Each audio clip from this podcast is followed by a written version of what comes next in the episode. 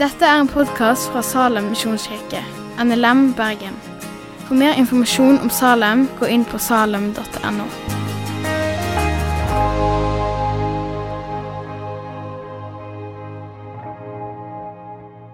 Teksten som egentlig er for søndagen, og som er litt sånn jeg Skulle ikke dette vært ni måneder siden? egentlig, Eller seks måneder siden? Marias lovsang. Som etter å ha vært gravid en liten stund, så, så synger hun sang. Eh, men det er på en måte en juletekst, og jeg har ikke fått så veldig mye julebudskap ut av det. Jeg, har talt over teksten flere ganger, og den er like vanskelig hver gang. synes jeg. Det er en, jeg sånn, når jeg får den, Kan du tale? Ja, det er Marias lovsang. Søren! Eh, for det, det liksom, Av en eller annen grunn, så alle de gangene jeg har talt over teksten, så er den, den var kjempevanskelig. synes Jeg og, liksom, jeg kan jo bare ta forrige tale, men det var ikke noe særlig bra. Så, Eh, så jeg måtte komme opp med noe nytt. Men eh, med Guds ord er levende og virker kraftig, så vi får legge det i Guds hender. Herfra. Eh, mitt hjerte fylles opp av gode ord eh, i møte med deg, men du er helt umulig å beskrive med bare ord. Så Derfor ber jeg om at du er her, blåser liv i ordene, og la dette få være ord som vi kan leve på, ord som gir oss håp, ord som fyller oss med glede, eller ord som drar oss litt lenger opp fra fordervelsens grav. Eh, jeg ber om at du gjør med oss som du kan best, og gir hver enkelt spesialbehandling her inne. Herfra, du som kjenner oss inn ut. Amen. Maria eh, er ubetydelig tenåring. Vi snakker om altså før Kristus. Ubetydelig tenåring eh, som bor i en by som ingen har hørt om. Eh, det står ikke engang nevnt i Det gamle testamentet, Nasaret. Allikevel så kommer Guds engel til Maria og et oppdrag om at hun skal føde Guds sønn. Ei ubetydelig ung jente i en ubetydelig by i en ubetydelig region, Galilea, som var liksom hedningenes Galilea. Eh, og så kommer engelen til hun. Og hvorfor gjør han det? Jo, fordi engelen sier det. Jeg kommer til Maria fordi du har funnet nåde hos Gud, og han er med deg. Det står i Lukas 1,28. Hun er ubetydelig, men har alt som trengs. Nåde og Guds nærvær. Du kan ikke være ubetydelig når du har det. I verdens øyne så kan du være altfor ung eller altfor gammel. Eller du kan være helt ubetydelig, kronisk syk, full av energi. Så mye at du ikke greier å sitte stille på et møte engang. Rastløs. Men har vi Guds nåde og Hans nærvær, så er det mer enn nok for oss for at ei tenåringsjente kan bli en av de største forbildene for kvinner verden over i historien. Alt du trenger, er at Gud gir deg nåde, og at han er med deg. Og Du kan ikke være ubetydelig når det er sånn. Men Maria lærer oss òg at det å følge Guds kall, det koster mye. Ehm, jeg vet ikke om vi liksom, med vår kulturbakgrunn greier helt å forstå hva som går gjennom hodet på Maria når engelen kommer med dette budskapet. Du skal bli gravid ved Den hellige ånd. Maria var lovt bort til Josef. De var trolova. og I, en sånn trolove, sånn teknisk greie, Forholdet var etter jødisk skikk. Maria og Josef forstått, totalt absolutt bindende. Eksklusivt. Og Midt i den trolovesida så, så blir Maria med barn. Og Josef de var juridisk knytta til hverandre. Det var bare det at De hadde ikke hatt sex ennå. De, eh, det var trolovstida, ikke ekteskapet, men, men, de var knytta til hverandre rent juridisk. Og Derfor er Josef sin reaksjon at ah, Marie har vært utro. Eh, og han ville skille seg. Men midt oppi alt dette så velger Maria å følge Guds, Guds plan. Hun, hun, altså, det hadde kosta henne mye. Men hun sier liksom at 'jeg er Herrens tjenerkvinne'. La det skje med meg som du har sagt, sier engelen. Og Hun risikerer å bli misforstått av Josef. Hun risikerer skilsmisse. Hun risikerer familiens forakt. Altså, Ei jente som ble gravid utenfor ekteskapet etter Moseloven kunne steines til døde. Hun risikerer jo vanvittig mye. Fordømmelse. Men på tross av det så sier Maria jeg vil være i Guds vilje med mitt liv.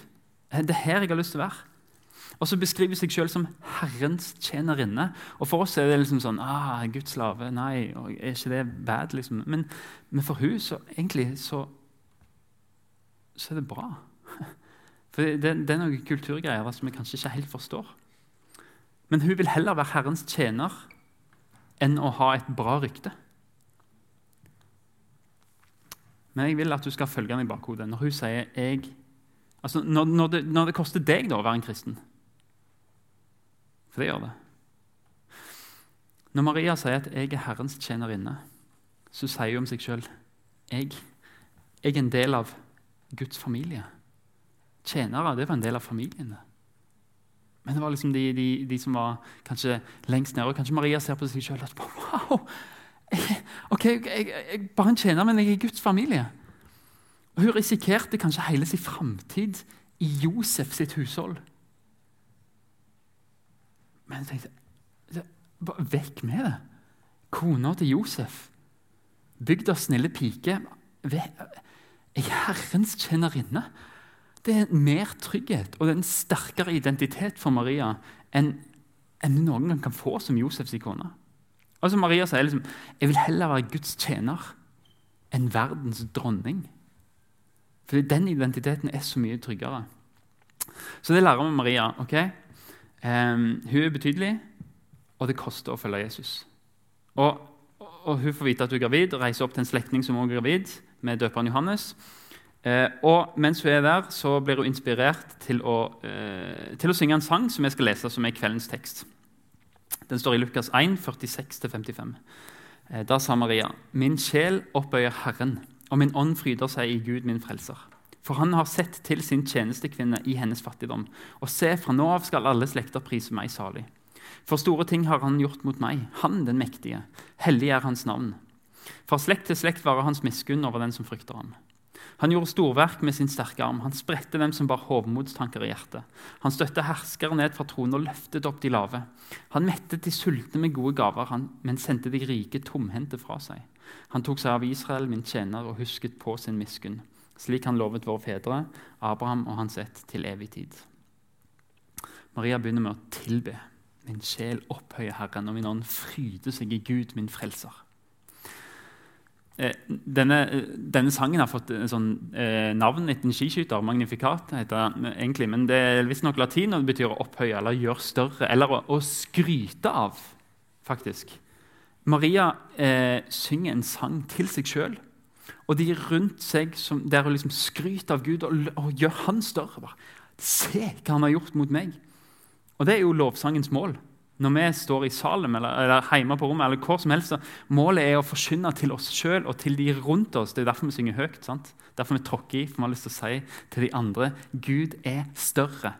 Ja, vi, vi takker Gud for at han er nettopp det større.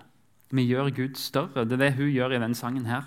Og det ordet 'opphøye' det brukes bare åtte ganger i Det nye testamentet. Og da er det alltid litt sånn interessant. Hvis det brukes så få ganger, så er jeg så nerd at jeg tenker ok, da kan man noe å lære av alle gangene.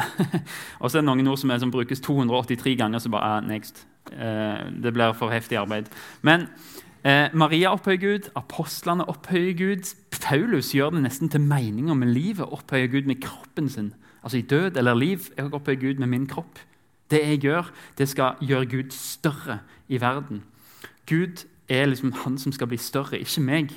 Og Det, det er liksom det Nytestamentet vil med, med måten vi skal leve på. Opphøye Gud. Og så er spørsmålet er det sant om livet vårt. um, det fins andre ting å opphøye. Det fins andre ting å gjøre stort. Det aller letteste å gjøre stort er meg sjøl. Det er ekstremt lett. Det, det, faller meg utrolig naturlig å snakke på en måte som høres from ut, men som får meg til å se bra ut. Det er veldig lett, det.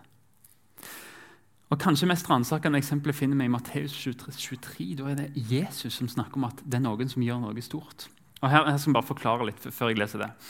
Eh, en, hvis noen av dere har sett en ortodoks jøde, enten vært i Israel eller kanskje på en flyplass, eller noe sånt, så de, de er veldig synlige. Sånn svarte kapper, eh, sånn eh, fine, kule hatter og krøller, og gjerne sånn dusker som henger ned fra, fra kjortelen. Og det, det, er jo bibelske ting.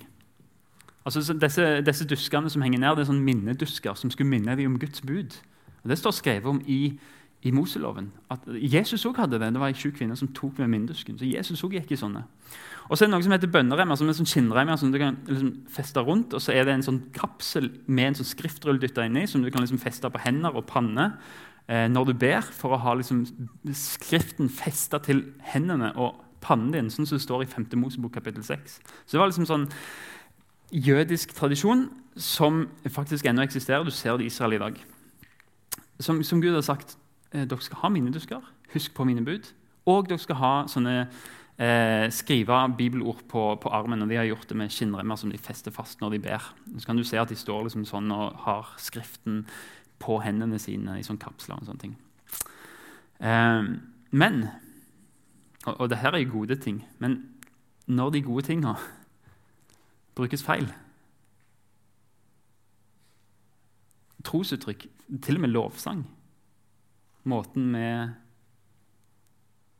kan fake noe på. Det kan bli selvhevdelse. Kan det være at det av og til er det om å gjøre å få bønnereimene sine breie, sånn at liksom du står og ber, så liksom, folk ser meg? Ja, ok, greit. Så, å, Jesus! Eller minneduskene feite. liksom bare, Sjekk, jeg husker budet, altså. Jeg kan det. Det er iallfall det Jesus advarer mot. I Matteus 23 så talte Jesus til folket og til disiplene og sa på stolen til Moses sitter de skriftlærde fariseerne. Alt det de sier, skal dere gjøre, derfor gjøre og holde. Men det de gjør, skal dere ikke rette deretter. For de sier, de sier ett og gjør noe annet. De binder, tung, de binder, tunge bører som ikke er til å bære, og legger dem på skuldrene til folk. Men selv vil de ikke løfte en finger for å flytte dem. Alle sine gjerninger de gjør, gjør de for at folket skal se det. De gjør bønneremene brede og minneduskene store. De liker å ha hedersplassen i selskaper og sitte fremst i synagogene, og at folk hilser dem på torget og kaller dem rabbi. Så fortsetter Jesus den talen der i mer eller mindre samme slengen, og så konkluderer han med ved dere skriftlærde og fariseere. Dere er hyklere. Dere ligner hvitkalkede graver. Utvendig er de vakre å se på, men innvendig er de fulle av dødninge bein og all slags urenhet. Slik er det også med dere. Utvendig i folkets øyne ser det rettferdig ut, men innvendig er det full av hykleri og urett. Og Så kan vi humre litt av fariseerne. Brede bønneremmer, store minnedusker, som om det skulle hjelpe. liksom. Wow, big deal. Um, det er ytre ting som en kan fake. Er, for noen er det reelt. Det, det er hengivelse. Det legger jeg ingen tvil om. Men, men det er noen ytre ting som en kan fake. Og da blir det jo noe hyklersk. Og kanskje en spesielt sånn ufin form for hykleri. Der, der liksom Se på meg, sånn skal du følge Jesus. Og så legger du byrder på andre mennesker. Som tenker liksom Åh, jeg skulle ønske at jeg var så from. Og så legger du egentlig en sånn dette burde òg andre gjort. Se på meg, se, se hvor bra jeg lever kristenlivet. Det burde andre òg gjort. Og så blir kristendommen sånn du burde, du burde, du burde. burde. Og det er liksom burdisme, som jeg ikke er kalt å føle. Fordi kristendommen er hvile. Så fariseerne, det de holder på med, er ikke bra. Det er bare det at jeg har så veldig fort for å gjøre det sjøl. Sosiale medier. Sjekk hva jeg har lest i dag. Legg ut stearinlys, Bibel, litt sånn kaffekopp, kaffeflekk på Bibelen. Sjekk minnedusken min på Facebook. sant? Hashtag minnedusk. Eh, men det hender jo at faktisk til og med jeg som er blitt eh, gammel, ser folk legge ut noe på Instagram. Eh, så gammel jeg. Jeg er på Instagram. Eh, men ser noen som tenker liksom bare åh, de får det til, altså. Um, så får jeg dårlig samvittighet. Så vet jeg at kanskje kan jeg gjøre noe som får andre til å få dårlig samvittighet. Det er så fort gjort å fake. Liksom folk spør ja, hvordan går det med troen. og liksom ting, og så, ah, det går bra, les dette, dette, dette. Og så vet du med deg sjøl at ja, nå, nå, pynter jeg virkelig på sannheten. Men det er så fort gjort å gjøre det, fordi vi har så lyst til å se bra ut. Og så snakker vi med sånn inderlighet om troen, og så legger en egentlig byrder på folk der en liksom bare Jeg greier ikke sjøl å leve opp til det jeg snakker om engang. Jeg har lett for å formulere fine bønner på bønnemøte, men når jeg sitter helt stille alene, så sliter jeg faktisk med å liksom bare konsentrere meg nok til å be i det hele tatt. Fordi det er mye lettere å bygge fasade enn det å faktisk bygge en relasjon med Jesus. Det er mye mer arbeid å bygge en relasjon. Det er veldig lett å bygge en fasade. Kanskje kan jeg si at fariseeren er hyklersk, men jeg kan ikke si det uten å dra meg sjøl under samme kam. Så spørsmålet er hvordan kan vi hjelpe hverandre til å vise at hei, jeg er et sprukkent kar. Jeg, liksom, jeg har en skatt i meg, ja, det har jeg, men jeg har lyst til å vise den til deg, men kanskje best vise den hvis du ser mine sprekker, at den skinner gjennom. At jeg, Gud er nådig mot meg, selv om jeg ikke alltid greier å åpne den her hver dag. Selv om jeg sier til studentene husk at det er stilletid i dag, åpne Bibelen din, så er det så vanskelig sjøl. Hvordan kan vi fortelle sannheten til hverandre om at av og til så er det vanskelig og slitsomt å være så himla kristen hele tida? Hva skal vi gjøre? Vi kan ta en Maria. Vi kan ta en Maria der du kan hvile i at du har funnet nåde hos Gud. Han er med deg. Han er med deg. Ikke sånn 'kom til meg', bare hold deg fast i meg, så skal jeg være med deg. Men han er med deg. Han er med deg. Han har gitt deg nåde. Hvis en er Guds barn. Hvis en tror på Gud. Han bruker totalt uviktige folk, ikke de som får det til. En tenåring. En tenåring i en plass som ingen har hørt om. Så Maria har funnet nåde hos Gud, og Gud er med henne. Og så tilber hun, men ikke for å tilbe, ikke, ikke, for å gjøre det til noe som bare, dette må jeg gjøre for å være kristen, men hun, hun, begrunner, hun begrunner tilbedelsen. Det er det Maria gjør. Hun starter med tilbedelse og gjør Gud stor, fryder seg i Gud og sier han er min frelser. Fordi, um, den dårlige nyheten er at du trenger en frelser. Og en, en god nyhet er at det er ikke deg. Det hadde vært så slitsomt. Det er ikke oss sjøl som er egne, våre egne frelsere.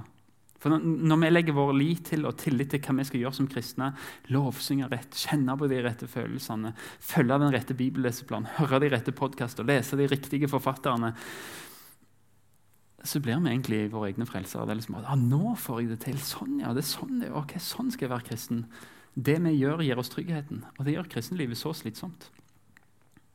I tillegg til at vi sliter oss sjøl ut, så legger vi byrder på andre som, som på en måte er sånn Oi, er det sånn det er å være kristen? Er det det jeg må gjøre? Så bare, wow, jeg har mye å gå på. Jeg vet ikke om jeg får til dette. her. Kanskje jeg bare skal gi opp hele kristenlivet? egentlig.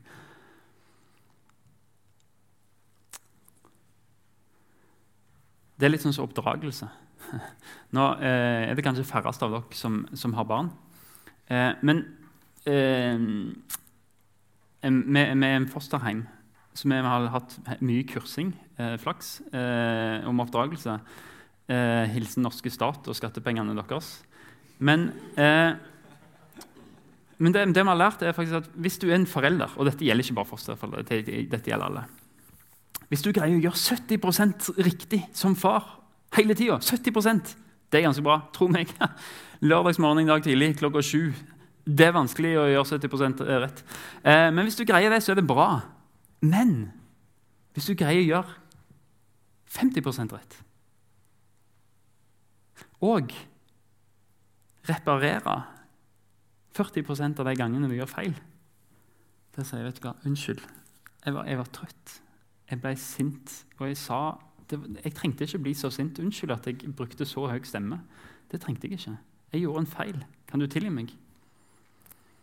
Da oppdrar vi barn som har et tankesett der og ser at Oi, relasjonen til pappa blir ikke ødelagt selv om jeg ikke er perfekt, selv om han ikke er perfekt.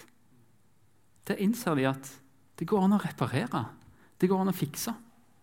I oppdragelse er det faktisk bedre å gjøre noen feil som du retter på, enn å gjøre ting rett hele tida.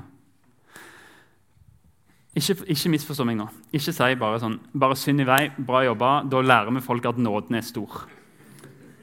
Eh, Eh, det er ikke det jeg sier. Men som fellesskap, som menighet, som i smågrupper, familie, venner, medvandrere, tenk gjennom at vi hele tida oppdrar hverandre. Og kanskje en bekjennelse.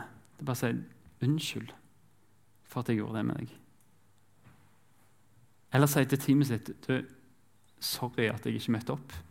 Jeg, det var noe annet som jeg prioriterte, men, men jeg innser at jeg lot dere i stikken. Unnskyld at dere fikk mer arbeid på lørdagskveld.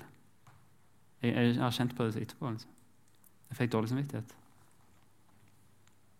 Kanskje en bekjennelse er mer effektiv enn at vi hele tida skal gå og ta oss sammen og være så perfekte og legge byrder på hverandre. Men leve med sannhet og si vet du hva, dette er vanskelig. La oss være ærlige og åpne.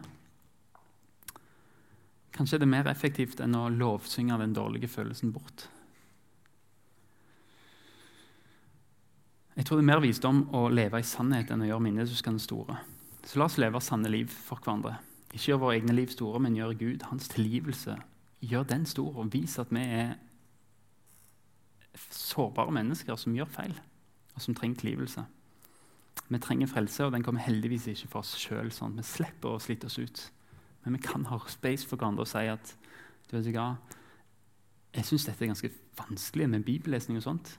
Og du kommer til å høre åh, det var digg å høre, for jeg får det heller ikke til. Ok, kan vi jobbe sammen, da? Hvordan kan vi gjøre dette? Um, jeg skal hoppe ganske heftig nå. Hvis du lurer på hvordan det er å være lærer på bibelskole, så er det ofte sånn du har en tekst, og så har du forberedt masse, og så er det friminutt, og så innser du at vi kom til første vers av 37. og så ser du at ja, dette faget her jeg, var en gang i et fag i Johannesevangeliet, og vi var ferdig med kapittel 1 etter 23 timer. og det Eh, sånn er det. Og litt sånn i talen i dag òg. Men eh, så vi skal gjøre et hopp. Eh, det jeg har lyst til å si, er at eh, Maria tilber. Hun opphøyer Jesus. Hun har en grunn til det. For han har gjort store ting mot meg. Han har sett til sin tjenestekvinne. Og hun beskriver hvem denne guden er som hun tilber. Og det, det, går an å lese sjøl. Eh, altså Magnify, magnifikat, det første ordet, gjør noe større. Det er liksom det Hun gjør Hun gjør et større bilde av Gud. Hun har et lerret på den sangen som maler et stort bilde av Gud. som jeg kan se. Og Du kan lese om Gud som er frelser, han er sjenerøs, han er mektig, han er hellig, han er trofast barmhjertig, og han har god husk. Han husker på deg. Gud husker deg. Og vi kunne hatt en bibeltime om hver av de tingene der. faktisk. Men jeg har lyst til å lande i ett ord. og Helt utrolig nok så er det helt i begynnelsen, som jeg kommer liksom til første vers. da. sånn er det å være bibellærer. Men det, Maria sier at hun fryder seg i Gud. Eh, av og til så høres det eh, fake ut. Jeg tror Maria oppriktig fryda seg. Jeg tror hun ved Den hellige ånd fikk se liksom at jeg bærer på Guds sønn. Altså når, når, Johannes barnet til Johannes sparker i magen til mora når hun treffer Jesusfosteret som er noen dager gammelt, så tror jeg Marie innser at her er noe helt spesielt. Og hun fryder seg helt oppriktig. Men for meg så når hun sier 'jeg fryder meg i Gud', så er det sånn bare, jeg vet, ikke, jeg vet ikke om jeg har opplevd det noen gang.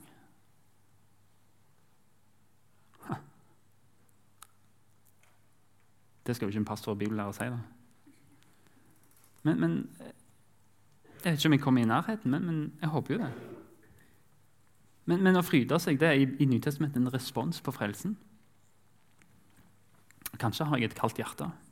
Kanskje har jeg bare enda mer å se av Guds godhet. Jeg håper det. Jeg håper at jeg liksom, etter hvert som jeg blir eldre, bare ser mer og mer. og mer. Sånn hadde det vært til nå. Liksom, jo eldre jeg blir Sorry, altså, men, men, jeg vil aldri være ungdom igjen. Eh, jeg er så glad for at jeg er gammel, for at jeg er blitt eldre. Jeg, er tryggere, alt er bedre. En har mer Eh, ja. I, eh, eh, så jeg da, De siste åra har eh, Gud bare blitt så vanvittig mye større. Jeg, jeg, tror det bare handler om ikke at jeg er moden eller vis, eller sånt, men bare at jeg har levd lenger med Jesus. Han har vist mer og mer og mer. og mer. Så å bli voksen er bare helt, helt nydelig når det kommer til det perspektivet. Jeg får se Jesus mye mer og mer. Og Jeg håper at det, det kommer dit hen at jeg eh, får samme erfaring som Maria, som var tenåring, som kanskje jeg får når jeg er 70, at bare, jeg fryder meg i Gud. Som Simeon, når han får se Jesusbarnet. Altså, han er en gammel mann som er i tempelet. De kommer til, Maria og Josef kommer til tempelet med, når Jesus er noen få dager gammel. Så, så, gleder han seg så sier han til Gud at nå kan jeg dø med fred, for jeg har sett din frelse. Nå kan jeg dø med et smil om munnen.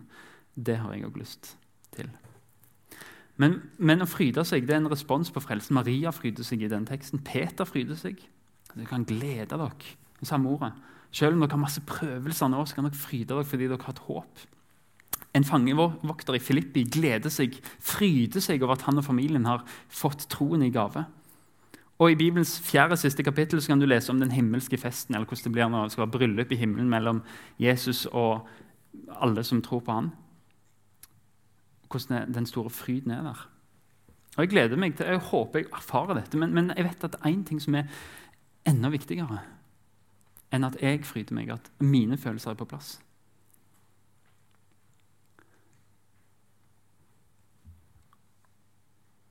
Og det er at Jesus fryder seg òg i Nytestamentet. står det. Jeg skal lese det til dere.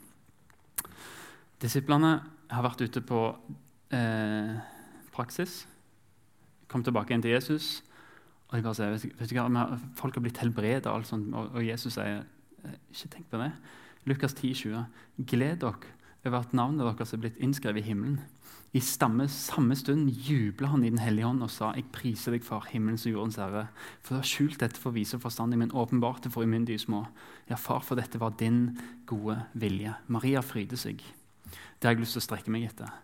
Jesus fryder seg. Det har jeg lyst til å leve på. Fordi han jubler og fryder seg i Den hellige ånd og sier, 'Gud, takk. Takk.' Det handler ikke om visdom. Folk kan være små, men det er din vilje å skrive mennesker inn i livets bok. Og han sier, 'Gled dere over det.' Og det, i, Den hellige ånd så fryder Jesus seg over å se en bok full av navn. Ditt navn. Han fryder seg over ditt navn i himmelen. Så vi skal strekke oss etter å fryde oss i lovsang. Men vi skal få leve på. Og kanskje det er nettopp det som er grunnen til at vi skal få fryde oss, er at han fryder seg over at ditt navn er i den boka.